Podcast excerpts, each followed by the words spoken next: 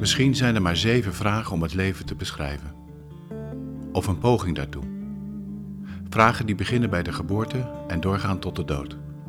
En alles daartussen wordt besproken, bevraagd, omgedraaid, bekeken en beoordeeld, beleefd en geleefd.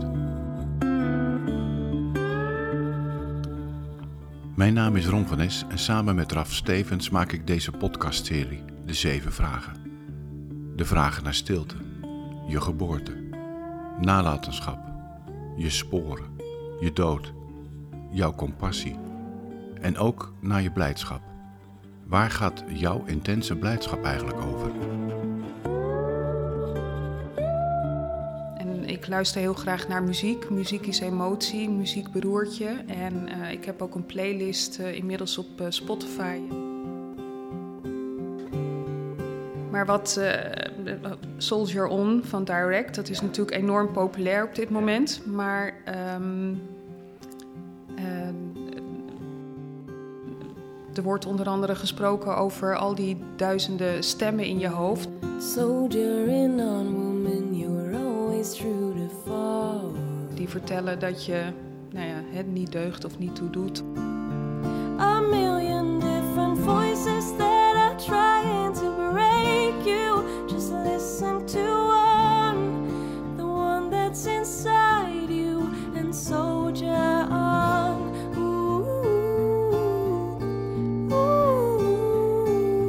Maar dat het er eigenlijk om gaat dat je naar je innerlijke stem blijft luisteren.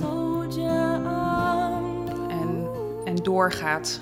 Hè, de soldier on. En um, ja, daar zit voor mij ook wel die kern van de blijdschap in. Ik nodigde Mirjam Groenendijk uit om met mij het gesprek aan te gaan rondom de vraag over blijdschap. Dit schreef ze mij terug. Graag dus. En wat een mooie vraag over blijdschap. Mijn antwoord zal je mogelijk verrassen, of misschien ook wel niet. De grootste blijdschap heb ik gevoeld in de donkerste tijden.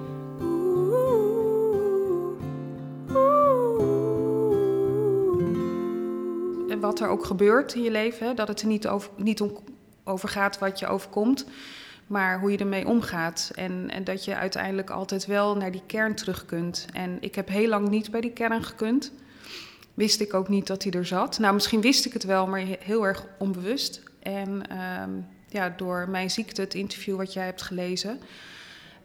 Um, ik heb borstkanker uh, gehad. Ik ben behandeld voor borstkanker. En um, dat ik daardoor juist heel dicht bij mezelf ben gekomen. En juist in die meest donkere tijden, ja, heel veel blijdschap. Noem het ontroering, uh, vreugde, dankbaarheid. Ja, vertrouwen. Dat zijn allemaal termen die voor mij uh, synoniem zijn aan, uh, aan blijdschap. I see bluebirds of paradise. I see sunset to sunrise. I watch comets in the sky. I see magic flying by. I feel my father holding me. I feel my spirit learn to breathe. I look into my mother's eyes. I know this must be paradise, and I say, Oh my, oh my, this is paradise. De vraag naar blijdschap is vragen naar kwetsbaarheid. Want juist in die momenten van kwetsbaar zijn, fragiel, aanraakbaar, kan de intense blijdschap er ook zijn. Het is zoals de Amerikaanse schrijfster Brené Brown schrijft en ondervonden heeft. Naarmate we meer bereid zijn onze kwetsbaarheid te erkennen en omarmen, zullen we meer moed en betrokkenheid tonen. Naarmate we meer onszelf afschermen van onze kwetsbaarheid, zullen we meer vanuit angst en minder vanuit verbondenheid handelen.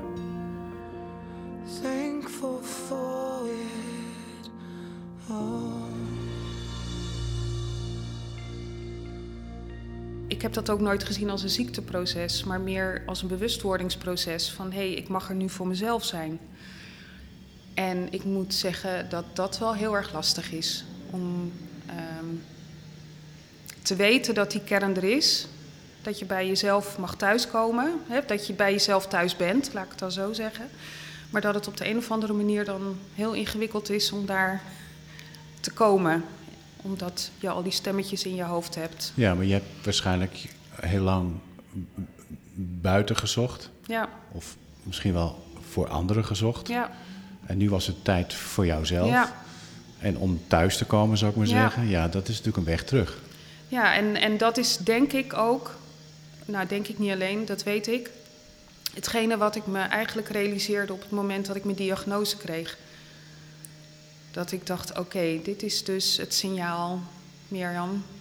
En nu gaat het even niet meer over de ander, maar nu gaat het over jou. Ja. En ehm, ja, dat, dat, dat vond ik wel heel ontroerend. En tegelijkertijd iedereen om me heen in paniek. En eh, ja, terwijl ik juist zelf heel erg veel vertrouwen had. Ook in alles. Hè, alles is goed.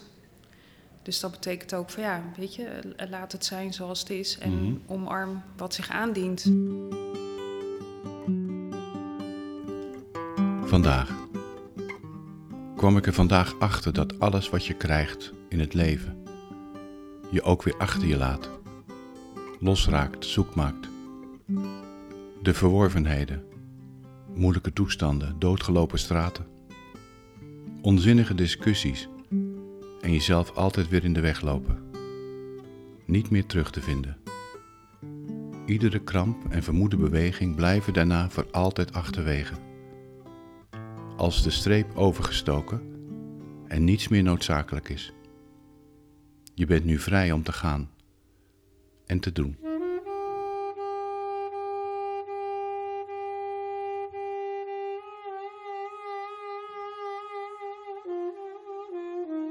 Hoe helpt blijdschap jou dan op dat moment om te zeggen: ja, maar eh, ho, het is nu echt tijd om hier te staan?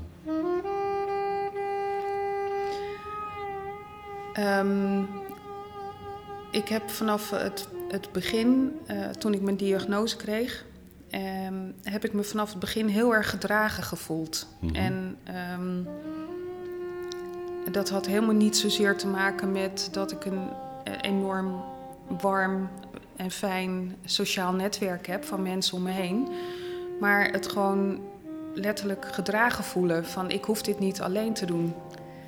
En eh, ja, en wat is dat? Ehm, ik, eh, ik, ja, ik ben wel katholiek opgevoed, maar eh, ik heb niet per se het gevoel dat er, dat er een re- religieuze ehm, ja, bron is of iets dergelijks. Maar er is wel iets ja, wat zegt het is goed. En jij bent goed. En je mag er zijn. En hoe moeilijk ik het soms ook vind om daarnaar te luisteren. En ehm, Kun je een voorbeeld noemen waarin je, waarin je dat zo ervaren hebt? Van eh, iets, nou ja, een vorm of wat dan ook, die tegen je vertelde of liet merken, jij mag er zijn? nou, ik denk op het moment dat ik mijn diagnose kreeg. Oké. Je hoort van die verhalen, eh, en dat is ook eh, in, in films en in series. Ik bedoel, op het moment dat mensen zo'n diagnose krijgen, dat ze nou ja, in paniek zijn en bij wijze van spreken al hun eigen begrafenis aan het Ja. regelen zijn en dergelijke. En ik, ik had totaal niet van die gedachten. Mhm. ik, ik voelde eigenlijk gelijk alsof er een soort hand op mijn schouder werd gelegd. Oké. Van, ehm, ja, Mirjam, heb vertrouwen. Mhm. Ja.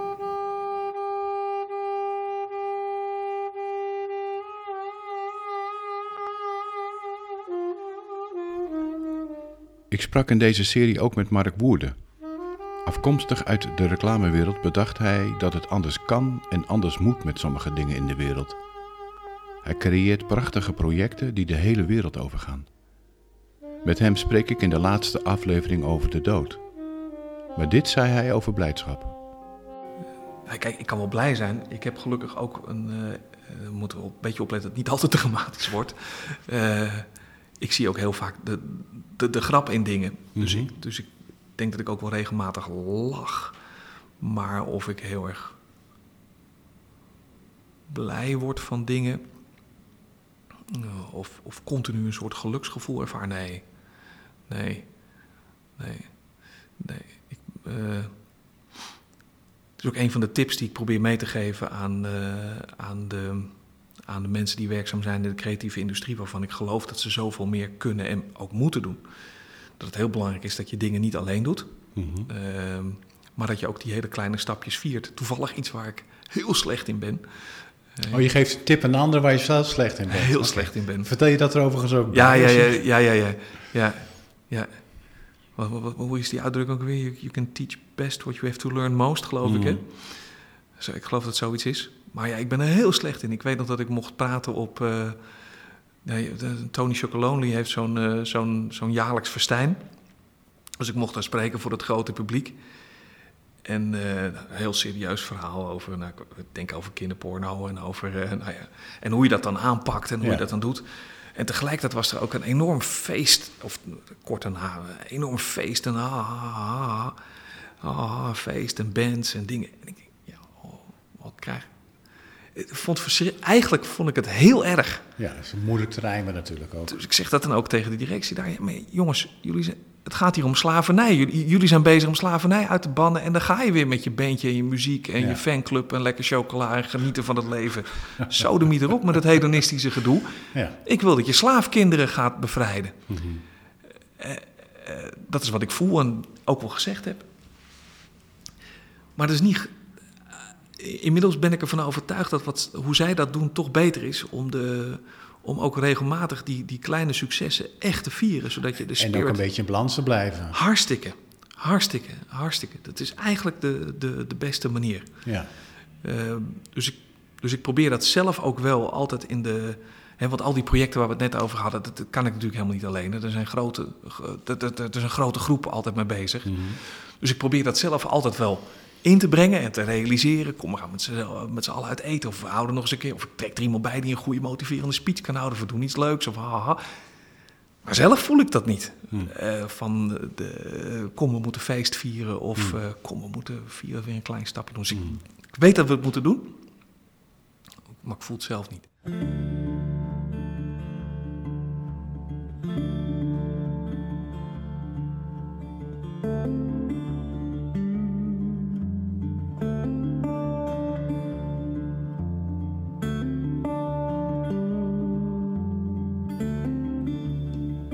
Gaat blijdschap ook niet over verdriet. Die slungelige figuur tegen de deurpost aan, meewarig kijkend naar hoe blijdschap haar tranen laat vloeien. Beziet hoe intens geluk de kamer vult. Wel in de armen van blijdschap zou willen vallen, maar niet durft. Om niet het feestje van blijdschap te verstoren. Roep verdriet erbij, nodig hem uit. Want het ene roept nu eenmaal ook het andere op. Laat het niet in de kou staan, maar stel voor om samen in dit moment te zijn. Blijdschap en verdriet, zoals dag bij de nacht hoort.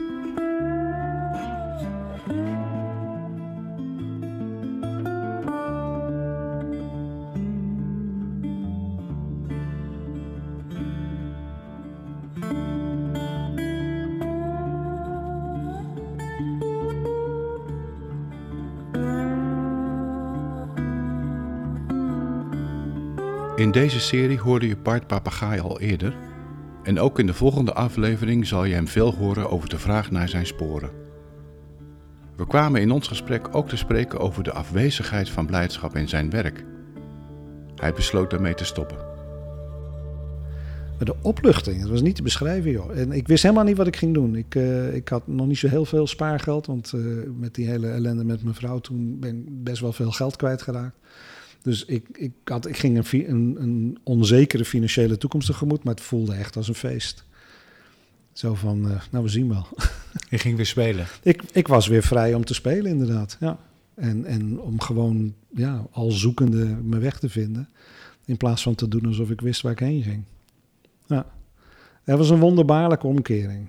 Ik, uh, ik had niet gedacht dat, dat de opluchting zo groot zou zijn.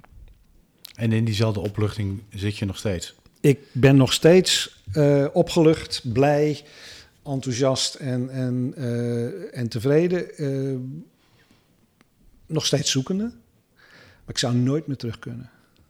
Dat is absoluut een, een, gesloten boek voor mij nou, van dat nooit meer.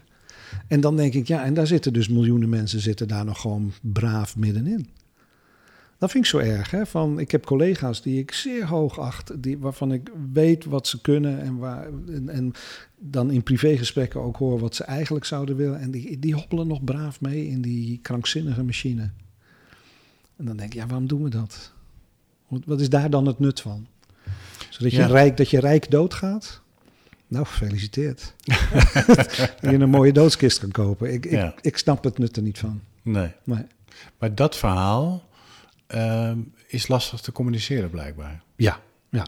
Dat, dat is, er is niet zo moeilijk als mensen uh, te overtuigen dat ze hun verworvenheden, hè, zeker de materiële verworvenheden en, en de, de zogenaamde zekerheden die daarbij uh, die daar meekomen, om die los te laten. Ik heb heel veel mensen uh, gehad die naar me toe kwamen en zeiden: Goh, dus je gaat eruit. Ja, ik zou ook wel willen. Maar er is geen manier waarop ik dat kan doen. En dan zeg ik, waarom niet? Nou ja, ik heb een groot huis, ik heb een auto, ik heb een gezin. En ik zeg, ja, maar al die dingen kan je schalen. Hè? Ik kijk hoe we hier nu in Putten zitten. We zitten nu in een vakantiehuisje. Uh, ik heb geen villa nodig om goed te kunnen wonen. Maar ja, in hun beleving kan je niet terug. Je kan alleen maar vooruit. Mhm. En dus het is niet zo moeilijk als mensen lospeuteren van hun verworvenheden. Hoe overdreven die verworvenheden ook zijn.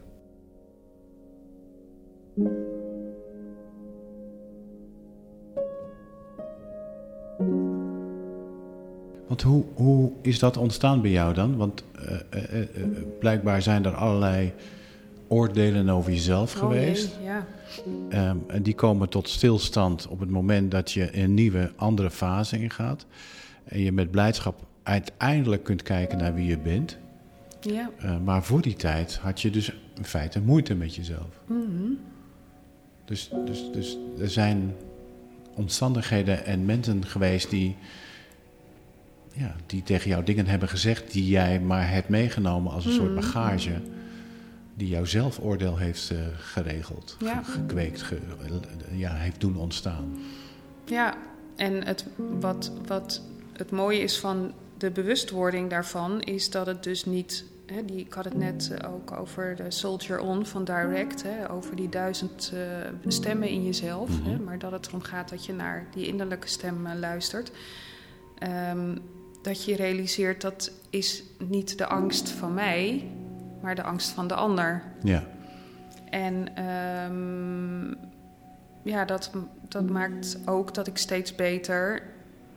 Um, ja, op het moment dat ik onrecht ervaar naar mij toe of wat dan ook. En dan, ja, ik, in, in het verleden kon ik dat nog wel eens heel erg uh, persoonlijk nemen. En oké, maar wat heb ik dan fout gedaan? Hè? Die, dat zelfoordeel, ik mm -hmm. zal wel schuld hieraan hebben. Ja. En um, ja, en, en dat realiseer ik me nu wel steeds meer. En dat is ook dat gevoel van blijdschap van... Ja, ik ben goed zoals ik, uh, zoals ik ben. Maar de ander is ook goed zoals die is. En iedereen heeft zijn eigen verhaal en zijn eigen bagage en um, zijn eigen angsten. De, het, um, ik las volgens mij ook ergens in jouw boek over dat bestuurders van grote organisatie, organisaties, dat die ook hun. Uh, ja, onzekerheden hebben, maar dat ze dat ook Gelukkig projecteren. Hè, en, en daardoor ja. zelfs uh, zichzelf, of in ieder geval het bedrijf, in gevaar kunnen brengen. Ja. Omdat ze heel erg bezig zijn met hun ja, de, de ego's. Ja, uh, ja. ja nou, op het moment natuurlijk dat je in dat licht gaat staan, kunnen er natuurlijk twee dingen gebeuren. Het feit dat je denkt, oh het gaat om mij. En dat krijg je dan uh, als je geen tegenwerking krijgt of, of mensen roepen niks meer tegen je uit angst voor mm -hmm. het verkeerde te zeggen. Ja, dan creëer je eenzaamheid om mensen heen. Hè? Dus die staan als het ware alleen op dat toneel. Terwijl het toneel is wel bedoeld om in samenspraak met elkaar een toneelstuk te maken. En als dat niet gebeurt, dan ja, dan, en dat zie je bij uh, CEO's van grote corporates, mm -hmm. die hebben dat zo geregeld dat ze geen tegenspraak krijgen. Mm. En dus uh, ja, een eigen eenzaamheid creëren. En hun eigen ondergang. Want ja. uiteindelijk nemen ze wraak op een organisatie omdat ze zich eenzaam voelen. Ja. Ja. Dat is het fenomeen wat, wat dan ontstaat. Ja. Hey, die gevonden blijdschap van jou. helpt het je ook om in je werk, uh, nou je noemde net al, betekenisvol bezig te willen zijn vanuit je vak met mensen? Uh, helpt je dat? Steeds, uh, ja, ja, steeds beter wilde ik zeggen. Um, marketing evolueert mijn achtergrond marketing communicatie, mm. evolueert steeds meer van een economische wetenschap, heel rationeel, heel, analytisch, naar een, uh, een uh, gedragswetenschap. Dus het gaat heel erg over de balans tussen intuïtie en analytisch. En ik heb allebei de kanten. Ik heb en die analytische kant en die intuïtieve kant uh, heel erg sterk. En um, Ehm, ik, zit nu ruim 30 jaar in het vak en ehm, ik heb me regelmatig heel afgescheiden gevoeld van mijn vakgenoten. Hè, omdat het uh, heel erg inderdaad ging over uh, dat economisch gewin en over de nou ja, uh, marketketting, hè, de, de marketing, markt, marktketting. Terwijl het voor mij in wezen gaat over de behoeften en de wensen van de ander. Ja.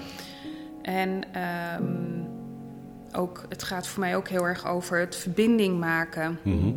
en het inleven um, in de ander en de ander in zijn kracht zetten. En um,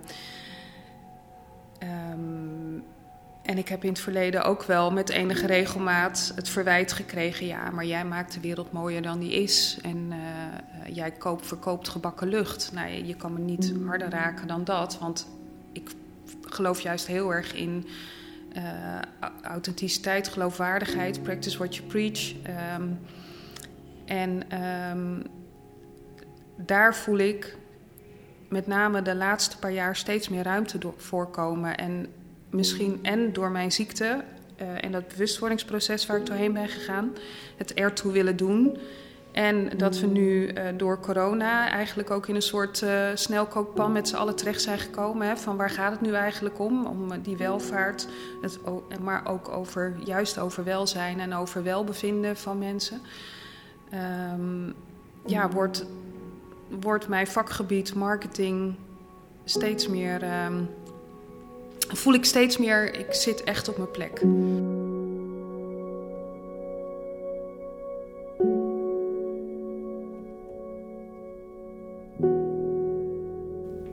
Ik legde de vraag over blijdschap ook voor aan Jelle van Baardewijk, filosoof. Ben jij uh, en sta jij met uh, alles wat je nu net vertelt en alles wat je denkt en alles wat je schrijft, met blijdschap in het leven, Jelle? Nou ja, die vraag had je ook nog gedacht, ja. Mooi. Um, nou ja, uh, kijk, als je die, tot je laat doordringen wat er allemaal verkeerd gaat in deze wereld, dan is het heel moeilijk om blij te blijven. Um, maar er zijn, wel, er zijn wel dingen waar ik voor mezelf wel blij mee ben. Ja, dat ik die uh, heb kunnen, uh, heb mogen doen en heb kunnen verwerven. Ja, dus ik word wel blij van mijn eigen kinderen bijvoorbeeld. en mhm. ik uh, ben heel blij dat ik uh, mijn tijd kan besteden aan filosofie, ethiek. En de hogere waarden voor mij van studie, schrijven, het ontwikkelen van gedachten over religie, over het, het, het, het, het raadgeven en het onderzoek doen naar ethiek in grotere organisaties. Het proberen het de ethiek in het kapitalisme beter organiseren. Allemaal dingen waar ik heel blij mee ben dat ik die beroepsgerelateerd kan uh, verdiepen. En uh, ja, dat ik daarover kan schrijven, over kan lezen, dat ik daar de tijd voor heb, dat ik mijn geld daarmee verdien. Uh, als ik een lezing geef, dat mensen daarnaar luisteren. Dus beroepsmatig. En, en in mijn eigen familie ben ik heel blij dat ik dat allemaal kan doen. Mm -hmm. En, ehm, maar, ik, maar het stadium van, ik heb wel het smerts, omdat de jeugd niet meer leest en omdat uh, er een ecologische crisis is, ben ik echt voorbij. Ik bedoel, we zitten echt in een hele heftige crisis van meerdere kanten, waar ik helemaal geen enkel gevoel van blijdschap over voel. Mm -hmm. Dus we zitten, uh, ja, er is, is, is, heel veel reden om te huilen over onze wereld. Mm -hmm. Ja, ja, dat denk ik wel om. Dus, dus maar ik, ik, ik probeer natuurlijk wel, ja, je, je, moet dat nieuws mijden. Hè? Je, moet dat, je moet dat bestuderen, weten, begrijpen, proberen te veranderen. Maar je moet je kinderen gewoon eh, proberen op te voeden voor wat het is. En eh, ik, ik, ik, ik ben niet, ik ben niet uh, te neergeslagen als persoonlijkheid of pessimistisch of zo. Nee, nee dat, ik, laat, ik laat het systeemrot niet naar binnen. Dat, dat, probeer ik in ieder geval. Probeer het wel te sublimeren of zo. Dat ik, ik, ik hou van een naargeestig boek kan ik juist wel, ja, dat kan ik wel waarderen. Dan word ik dan, uh, dan, dan, dan denk ik, ja, dat is dan, uh, ja, blijdschap, blijdschap. Ik kan dan eigenlijk uh, de kunst van het cynisme kan ik nu meer, meer waarderen dan de kunst van. De... Goed, aan de andere kant kan ook, vind, vind het ook heel inspirerend om dingen te, te lezen of te horen of te zien waar ik dan blij van word hoor. Dus, maar ja, ik vind het wel lastig, Ron. Ik vind het mm. gewoon lastig. Want er is zoveel om mm. terug over te zijn. Dus, ja. ja.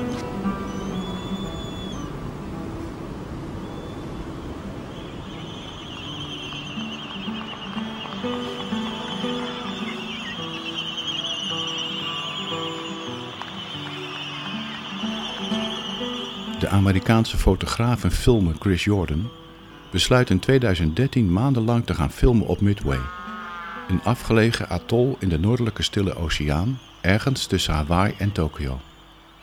Daar maakt hij een anderhalf uur durende film over de enorme kolonie albatrossen. Het waren niet alleen de prachtige vogels waarom hij zijn beelden maakte, maar ook een enorme plastic vervuiling die deze vogels het leven kost. Vele vogels sterven met plastic doppen en afval in hun maag. Het is een wereld die we niet zouden kennen als Chris Jordan zich die niet had aangetrokken.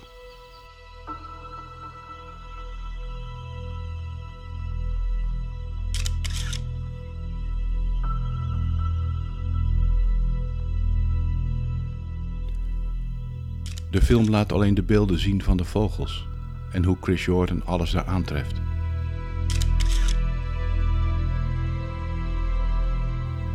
De film is geen schreeuw en ook geen oproep, maar een langzame, bijna poëtische film over deze vogels in nood.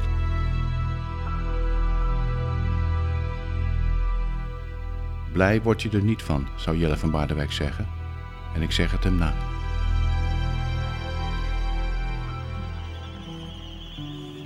Across an ocean of grief. And beyond. Toch is deze film, net zoals al die andere films, acties, oproepen, bewustwording nodig om ons wakker te maken, tot bezinning te komen. En misschien gaat blijdschap daar dan over, toch? Om de kans te krijgen weer te ervaren dat er een diepe verbondenheid is. Zoals Mirjam dat zegt, om bij onszelf uit te komen, in verbinding. Om de compassie die het in ons oproept waardoor wij in deze vogels ook de ander kunnen zien. Het zijn dus niet de vogels ver weg op een atol waar je toch nooit zult komen. De ander die je ziet in deze vogels ben jezelf.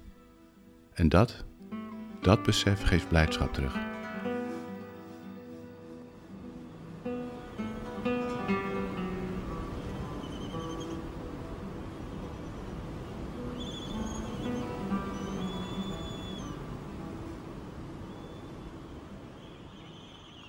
Brengt je uiteindelijk niet verder. Mhm. Om in, in angst te leven. Ook nu ehm, ben je genezen. Uh, nee, want daar wagen de artsen zich niet aan. Hè, ze, hebben, uh, ze hebben de kanker behandeld, uh, die is weg. Ik word om de zoveel tijd gecontroleerd. Ehm, ben ik bang dat het terugkomt? Ehm, nou, ik ben daar eerlijk gezegd helemaal niet mee bezig. Mhm. Als het, ik, ik ga ervan uit dat ja, ik heb het vertrouwen dat, uh, dat het niet terugkomt. Maar nee. ja, je weet het niet. Maar ook dan, alles is goed. Ja, weet je, dan. Het. Uh, ja, alles is goed. Ja, ja. Daar, daar zit voor mij echt alles. alles ja, even nog, even nog, want daar ben ik nieuwsgierig naar. Uh, op het moment dat je zei, ik voelde zo'n vertrouwen, mm -hmm. ben je dan op dat moment een soort niet een soort, dat klinkt zo raar, maar onderdeel van een geheel. Ja, oh, mooi dat je dat uh, ja, ziet. Ja. ja, ze hebben het ook over die eenzaamheid. Ja, tuurlijk moet je het alleen doen. Maar um, ik heb um, in 2013, uh, toen woonde ik uh, in Oosterbeek, naast een bos. En toen heb ik heel veel gewandeld in dat bos, gewoon in mijn eentje. En ehm, ik heb daar echt spirituele ervaringen beleefd.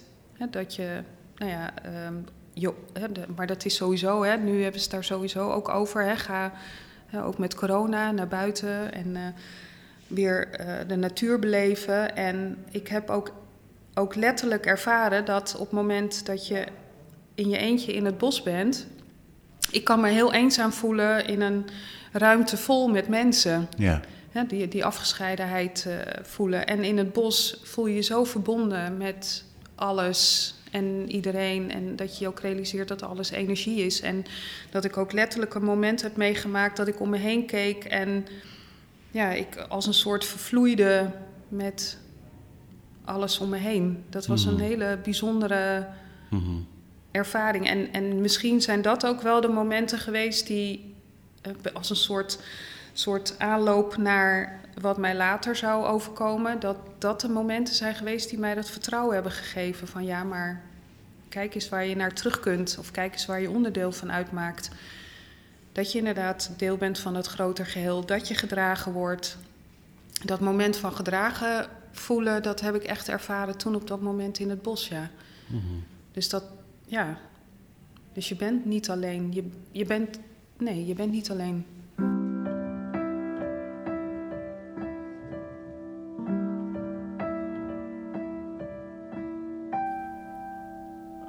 Hoe komt dat toch, dacht ik op een nacht, dat we zo zoeken? Zo rusteloos een mens zijn? Is het omdat we iets beter weten? Is het omdat we dat groeiende verlangen kennen? Is het omdat we de pijn hebben van dat betere bestaan? Begraven, maken stuk, diepen op, helen weer, ontdekken, gaan weg, komen terug. Laat de nacht ons dan richting geven. Laat de donkerte ons niet tegenhouden. De angst niet onze keel snoeren. Doof de stemmen in ons hoofd die ons klein houden. Geef de rusteloosheid de ruimte, want zij zoekt nieuwe pogingen. Zij zoekt ons.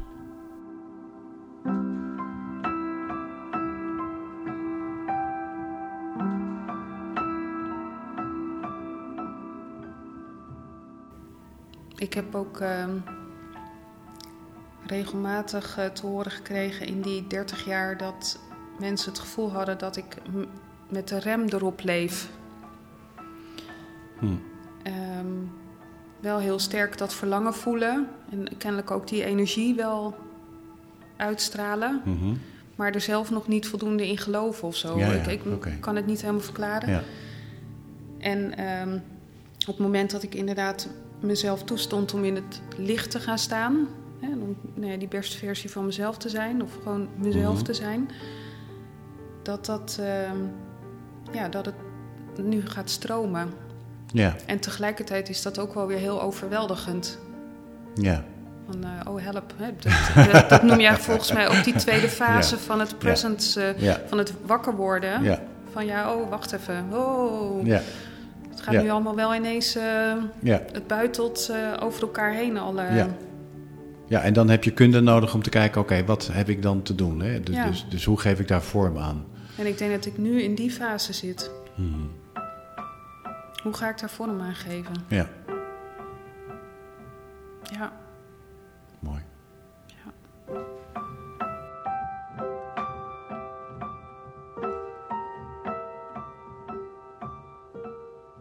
Deze aflevering van de Zeven Vragen maakte ik samen met Raf Stevens, die de montage deed. In het verwerken van alle gesprekken gebruikte ik trouwens de koptelefoon van Garrett Street. Dat is een prachtige koptelefoon die een leven lang meegaat, omdat die volledig circulair geproduceerd is. Dus geen idioot veel restmateriaal meer op de grote vuilnisbelt. Ik dank ook al mijn gasten voor hun openhartigheid. Ik heb genoten van mijn gesprekken met hen. Tot de volgende aflevering. Die gaat trouwens over de vraag welke sporen je tot hier hebben gebracht en welke sporen je nog gaat trekken.